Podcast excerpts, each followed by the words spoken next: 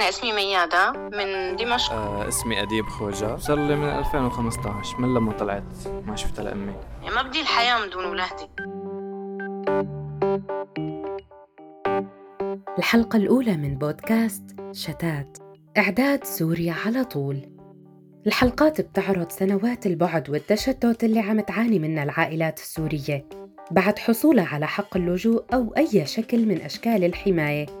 بس بالمقابل عم تنحرم من لم الشمل مع أفراد عائلتها شو بصير لما تتبدد خطط الأم بالإجتماع مع أولادها أو الزوجة بزوجها ويتعذر اللقاء؟ شو بالنسبة للي تهجروا وانتركوا على الضفة الثانية؟ هون رح نحكي عن اللي منعتهم ثغرات قوانين اللجوء الأوروبية إنه يلتقوا مع أهاليهم.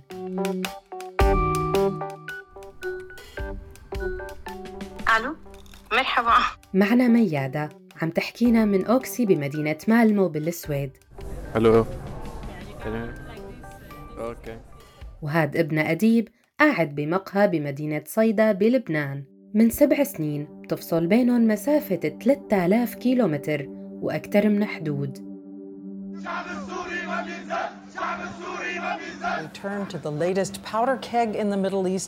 بال 2011 نزل آلاف السوريين على الشوارع احتجاجا على حكم بشار الأسد. وقوبلت المظاهرات بالقمع الوحشي. بعدين دخلت البلد بحرب استمرت لليوم. بوقتها كانت ميادة بتعيش بحي الميدان الدمشقي مع ابنها ربيع. كان عمره ست سنين وأديب 11 سنة. انفصلت ميادة عن زوجها بعام 2009 ومن وقتها وهو بعيد عن المشهد. ميادة صيدلانية وكانت أمورها ماشية على ما يرام.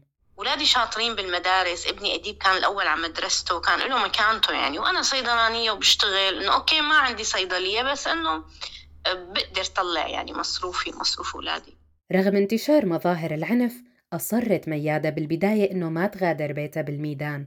بس لما صارت الاشتباكات قريبة منها تركت المكان وراحت لبيت خالتها اللي بتعيش بالسيدة زينب أو الست زينب مثل ما بيحكوا لها أهل الشام. ولهلأ تفاصيل هديك الأيام محفورة بذاكرة ابن أديب. فالشي اللي بتذكره إنه في مرة طلعت دبابة وقصفت المتظاهرين وانقتل خمسين شخص. كان هالشي قريب كان في بيننا وبين الدبابة تقريبا 500 متر. فضرب قصفة الدبابة لما قصفت المتظاهرين عنا ال- البيت كله رج وكنا نحن أطفال نحن أنا وأخي وولاد خالي كلنا صرنا نبكي وتخبينا تحت الطاولات وهيك. بعد هيك انتقلوا لبيت خالة تانية بتسكن قريب من مدينة دارية جنوب دمشق. بس نوقف على البرندة بنشوف الهليكوبتر عم عم عم تنزل براميل. على دارية. وكان المنظر كتير قريب يعني بتشوف البرميل عم ينزل وبتشوف الانفجار بتسمعي صوت الانفجار وبترج البناية. بالوقت اللي تحولت الثورة الشعبية لحرب حصلت ميادة على تصريح من القاضي بخولها تسافر مع أولادها على لبنان بعكس ما بيتمنى طليقة. على مدى ست شهور بقيوا يتنقلوا بين سوريا ولبنان واستمرت دراسة أديب بمدارس سوريا لحد ما منعته ظروف الحرب من مواصلة مشواره. كل أسبوع حدا من صفي ينخطف وينفقد ما يتلاقى.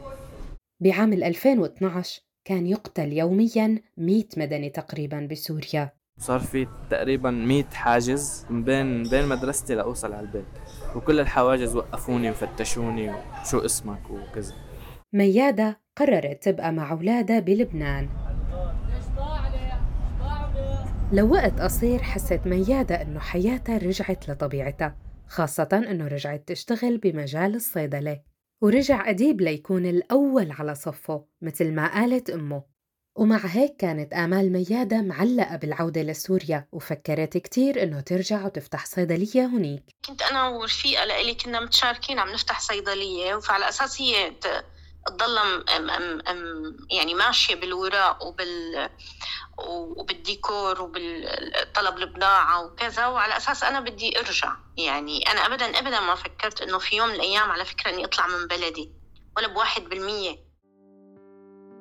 بس آمالها بإنه يهدى الوضع وترجع للبلد تلاشت.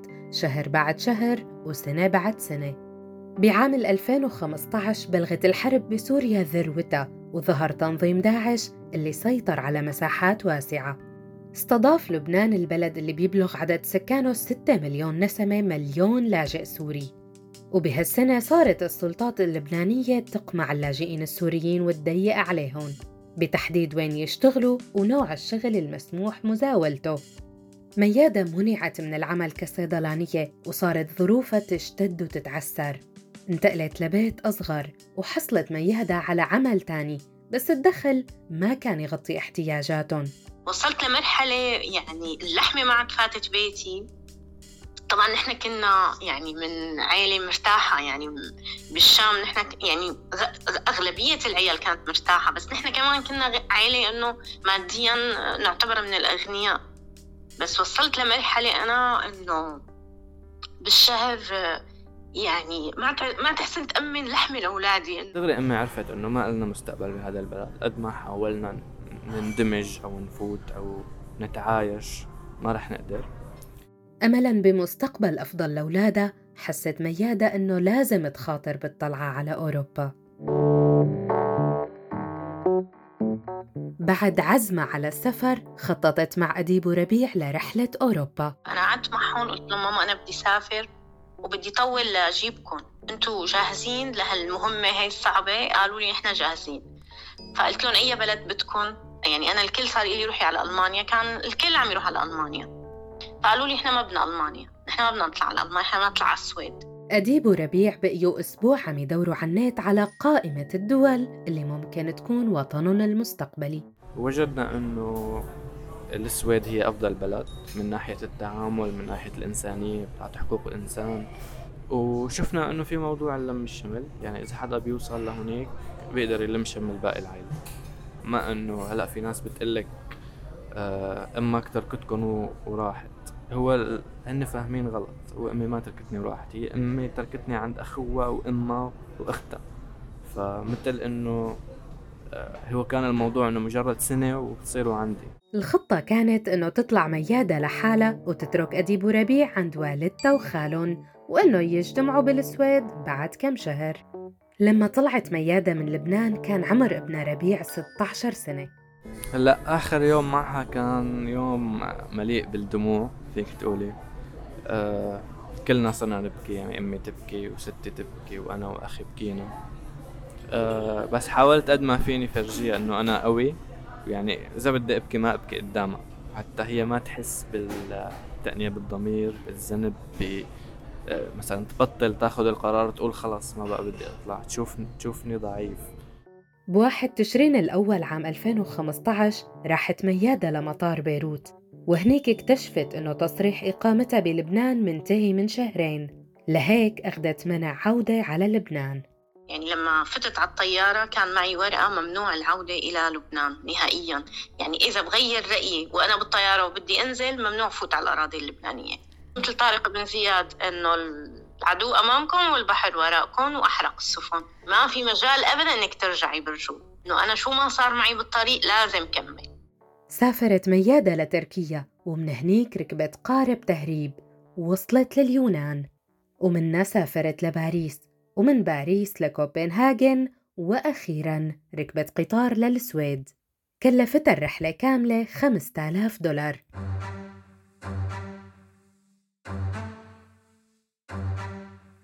دول الاتحاد الأوروبي بتتشارك كلها بسياسة عامة بتمكن اللاجئين السوريين من لم شمل أفراد العائلة.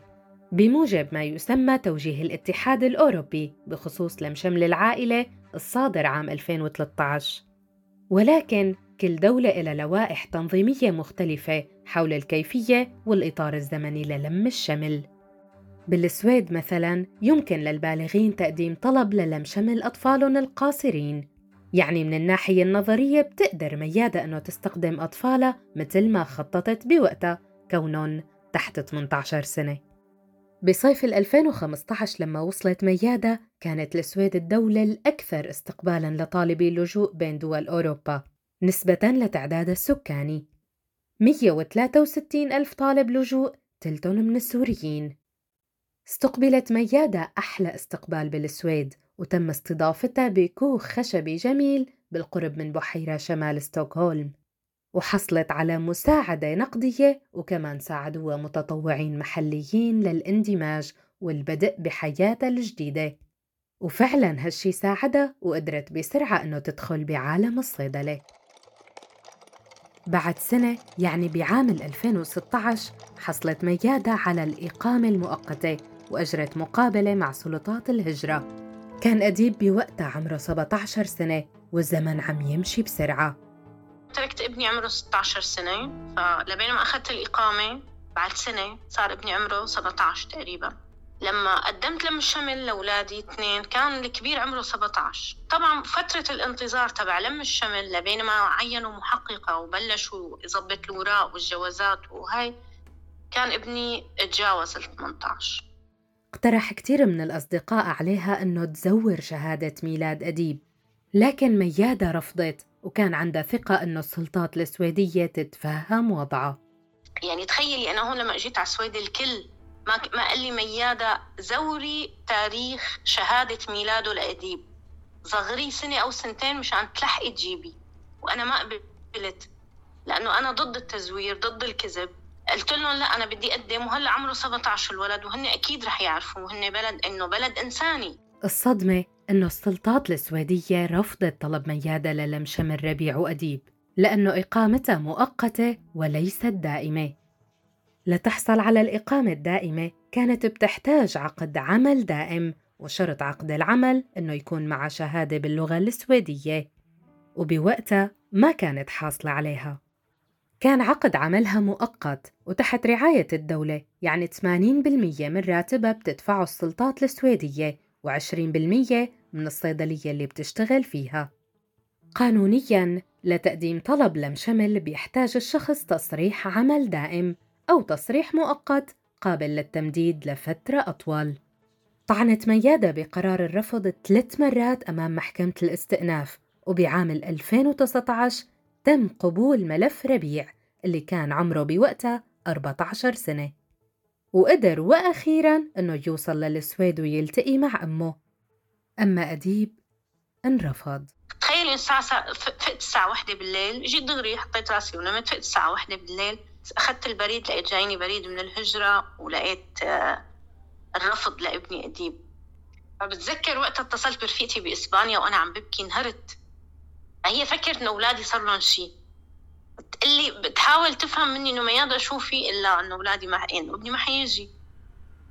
فإنه خلص وطولي بالك وكذا يعني المهم ضلت ساعة ضلينا ساعتين على التليفون وبس بتذكر إني لما نمت جيت بدي فيق الصبح روح على الشغل ما قدرت روح. صوتي ما عاد طلع ومرضت. يعني ارتفعت حرارتي ومرضت وضليت أسبوع كامل بالتخت ميادة ما شافت ابنها من عام 2015 إنه أنا واولادي الاثنين جزء واحد. فأنا جيت على بلد أوروبا على بناء على الحكي يعني على على السمعة على قانون حماية الطفل حماية المرأة. إنه أنا على أمل إنه أنا أعيش أنا وأولادي هون. ما في حدا بالعالم ما في أم بالعالم تتمنى إنه تكون بعيدة عن أولادها. بس أنا لحد هلأ وهي اللحظة وأنا عم كافح مشان ابني أديب يجي لهون. يعني ما بدي الحياة من دون أولادي. صار لي من 2015 من لما طلعت ما شفتها لأمي. بعيدا عن أمه كانت حياة أديب قاسية كتير. أول فترة أتعلم عود حالي كيف ما أشتاق. كيف فيني ما أشتاق له؟ آه لأنه مثل ما بيقولوا إنه الاشتياق بيقتل بيعذب الشخص.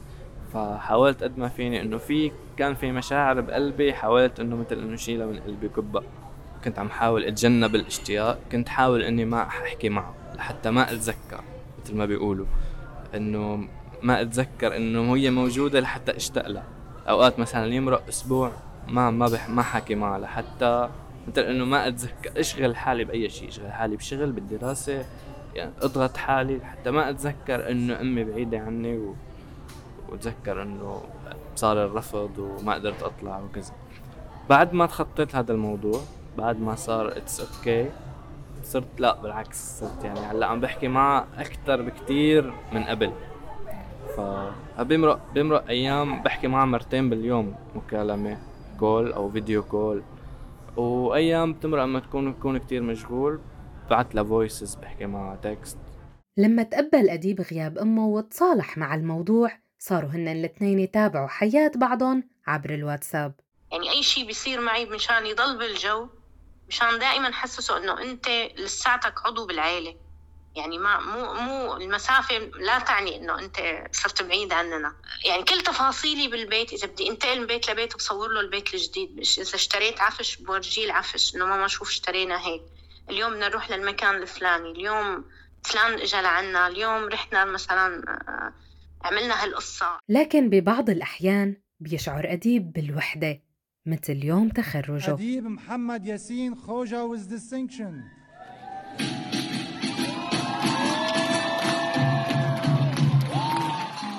وبالتخرج لما تخرجت من البكالوريا وتخرجت من الجامعة جو التخرج لما أشوف كل الأشخاص جايين معهم عائلاتهم بس إلا أنا الشخص الوحيد اللي واقف لحالي وكل شخص معه أبوه وأمه وأخواته بحس حالي إنه أنا مثل الاكسبشن يعني.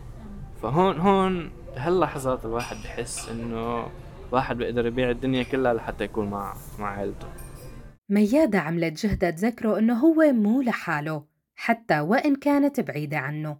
كان كان آه، وقت يصير عيد ميلاده كنت آه، ابعت شخص يعني آه، ابعت له مصاري ويشتري له قالب كيك ويعملوا له حفلة يعني بطريقة يعني هيك مفاجئة يعني. جابوا لي كيك وجابوا لي أكل وعملوا لي حفل عيد ميلاد مفاجئ.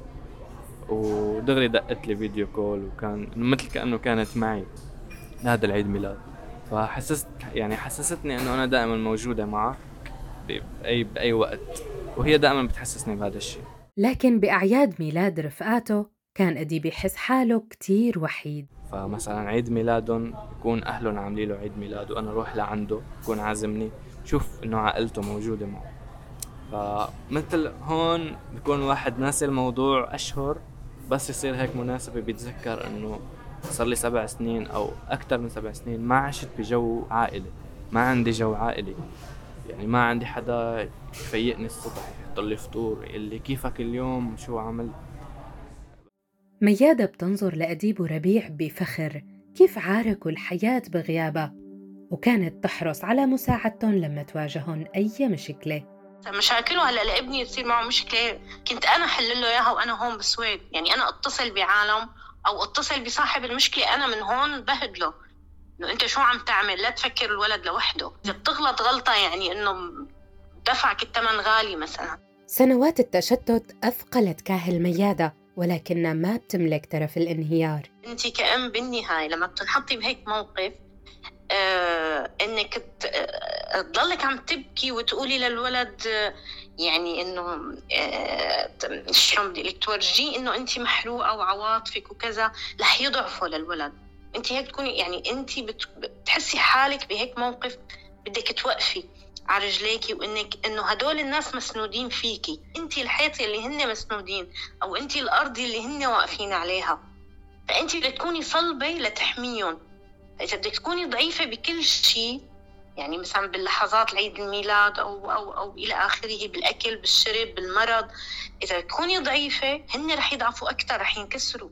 لما السويد رفضت الأخين ما كان يعرف أديب اللي كان عمره بوقتها 16 سنة كيف يتعامل مع اليأس والإحباط اللي صار مع أخوه ربيع. لما أخي صار ينرفض كتير لما رفض آه صار يبكي كتير. وأنا ك... كشاب بكون يعني بعمر ال 15 أو 16 بكون لسه ما وصل لعمر إنه يقدر يعطي حنان ما عندي شيء أعطيه لأخي هو عم يبكي. ما بقدر أجي ضمه ما بقدر أعطيه الحنان اللازم اللي الأم تقدر تعطيه. فاكثر شيء زعلني هو كان وجود أخي. يعني زعل أخي هو كان اللي يزيد زعلي. بعام 2019 تم قبول ملف ربيع وسافر على السويد وكان أخوه أديب كتير مبسوط كرماله. لما اجى القبول لأخي وخف خف ارتاحت نفسيتي أكثر شوي. ليش ارتاحت نفسيتي أكثر وليش ما حسيت إنه ليش هو إيه وأنا لا؟ لأنه أخي هو ش... يعني كان بعمر عشر سنين أو 11 سنة لما أمي سافرت. فهو الأكثر اللي محتاج لأمي. هو الأكثر اللي محتاج للتربية لحنان الأم للتعاليم اللي لازم تعلمها الأم. أما أنا مرقت بهي بهي السنين يعني أمي لما سافرت أنا كنت كان عمري 15 أو 16 فأنا كنت مارق بمرحلة عمره. فمثل إنه كتير في كتير كونكشن بيني وبين أمي. بعام 2022 حصل ربيع على الجنسية السويدية واليوم عم يدرس الخيارات المتاحة قدامه ليكمل تعليمه الجامعي. أديب بيشتغل مهندس برمجيات بشركة تقنية ببيروت ولسه عم يدور عن طريقة للخروج من لبنان عن طريق تأشيرة للشغل أو للدراسة. مرقت بأكثر من رفوض بحياتي غير موضوع لم الشمل. يعني صار معي رفوض بمنح scholarships كتير. مرقت بأكثر من عشر scholarships رفض. ومرقت بموضوع السفر عن طريق الأمم كمان جاني رفض. فموضوع الرفض مثل انه بيقولوا رفض ورا رفض ورا رفض بيوصل الواحد لمرحلة ما بقى يأثر عليه الرفض اللي بعده ما بقى يرجع يزعل على الرفض اللي مرق. تقدم بطلب لمفوضية الأمم المتحدة لإعادة التوطين بعد سفر ربيع ولكن تم رفضه وما بيعرف السبب. بحس في خطأ ب ال selection criteria لإعادة التوطين لأنه أنا بعرف أكثر من عشر أشخاص عايشين مع أهلهم دقولن ومقبولين بإعادة إعادة التوطين وهن ما قدموا. بعرف أكتر عن جد أكثر من عشر أشخاص قالوا تروحوا على كندا. لا ما ما بنروح على كندا. شكرا. لحد الآن بيحلم أديب بأوروبا ولكن ما بصفة لاجئ. بيتمنى يوصل بصفة طالب أو موظف. اليوم بدي إجي أنا طالب جامعة و... وإذا قدرت بدي أفتح شركة أنا ورفقاتي أو حصل شغل فما بدي يكون لاجئ يعني. ما بدي يكون يعني ما بدي إنه يعاملوني كلاجئ. صار يكره كلمة لاجئ لأنه حس حاله إنه مرفوض. يعني انت تحسي إنه بلد كامل رافضك كذا مرة. آه يعني أخذ موقف هو. عندي أمل إني رح أطلع لأوروبا. أه بس إمتى؟ ما بعرف. بس آه، غالبا غالبا إنه أنا بس ابني enough experience هون بلبنان بما إني عم بشتغل as software engineer. آه عم شوف كتير من الأشخاص اللي مثل وضعي بعد ثلاث سنين من الخبرة عم يقدروا يلاقوا عقود عمل عم يطلعوا contracts relocation. so الموضوع بيتعلق بالوقت أو إذا قدرت صمد آه، مصاري بتكفي إني أطلع أدرس masters ب UK أو Germany بيتمنى أديب يوصل رسالة للسلطات السويدية. ما كتير عم عم يتصوروا وضعنا خارج السويد. يعني يمكن هن لأنه ولا مرة عاشوا بهيك أوضاع. ما بيتخيلوا إنه وضع طفل بعيد عن أمه بلبنان أو بسوريا كيف حيكون وضعه؟ شو عم ياكل؟ وين وين بيعيش؟ وين عم ينام؟ عم يبكي كل يوم؟ عم يزعل كل يوم؟ سوريا ما عادت وطن لميادة ولا لأديب. بالسويد لقت ميادة معنى من معاني الوطن. ولكن بيعكر هالشعور إنه ابنها مو معه. أرجع على الشام؟ لا لا لا لا ما فكر نهائيا. لا لا أنا بحب السويد على فكرة وبحب الشعب تبعها. أنا السويد لا بحبها ورغم ظروفها الجيدة بتشعر بالندم على اختيار السفر للسويد. ودائما بدور ببالها سؤال يا ترى لو اختارت بلد تاني كان ممكن تجتمع مع أولادها الاثنين؟ أنا يا ريت كنت طالعة على كندا. أنا صراحة ندمت قلت يا ريتني ما سمعت لهم طلعت على كندا. أول شيء بلد إنه كندا بلد بالإنجليزي ما فيها لغة وثاني آه، يعني ما فيك ما بتحتاج تتعلمي لغة. وثاني شيء كان يمكن لم الشمل عن جد كان أسهل. أديب مستمر بالبحث عن مكان يسميه وطن. هلا بالنسبة إلي ما في شيء اسمه home for now يعني. بأي مكان بقدم عليه application job application بيكون في من السل من ال options بيكون في شيء اسمه stateless فانا أنا بنقي ال stateless إنه أنا ما عندي هوم لسه. بعد سنوات من الرفض والوحدة عم يستنى كلمة تانية تاخده لوطن موافق عليه رسمياً.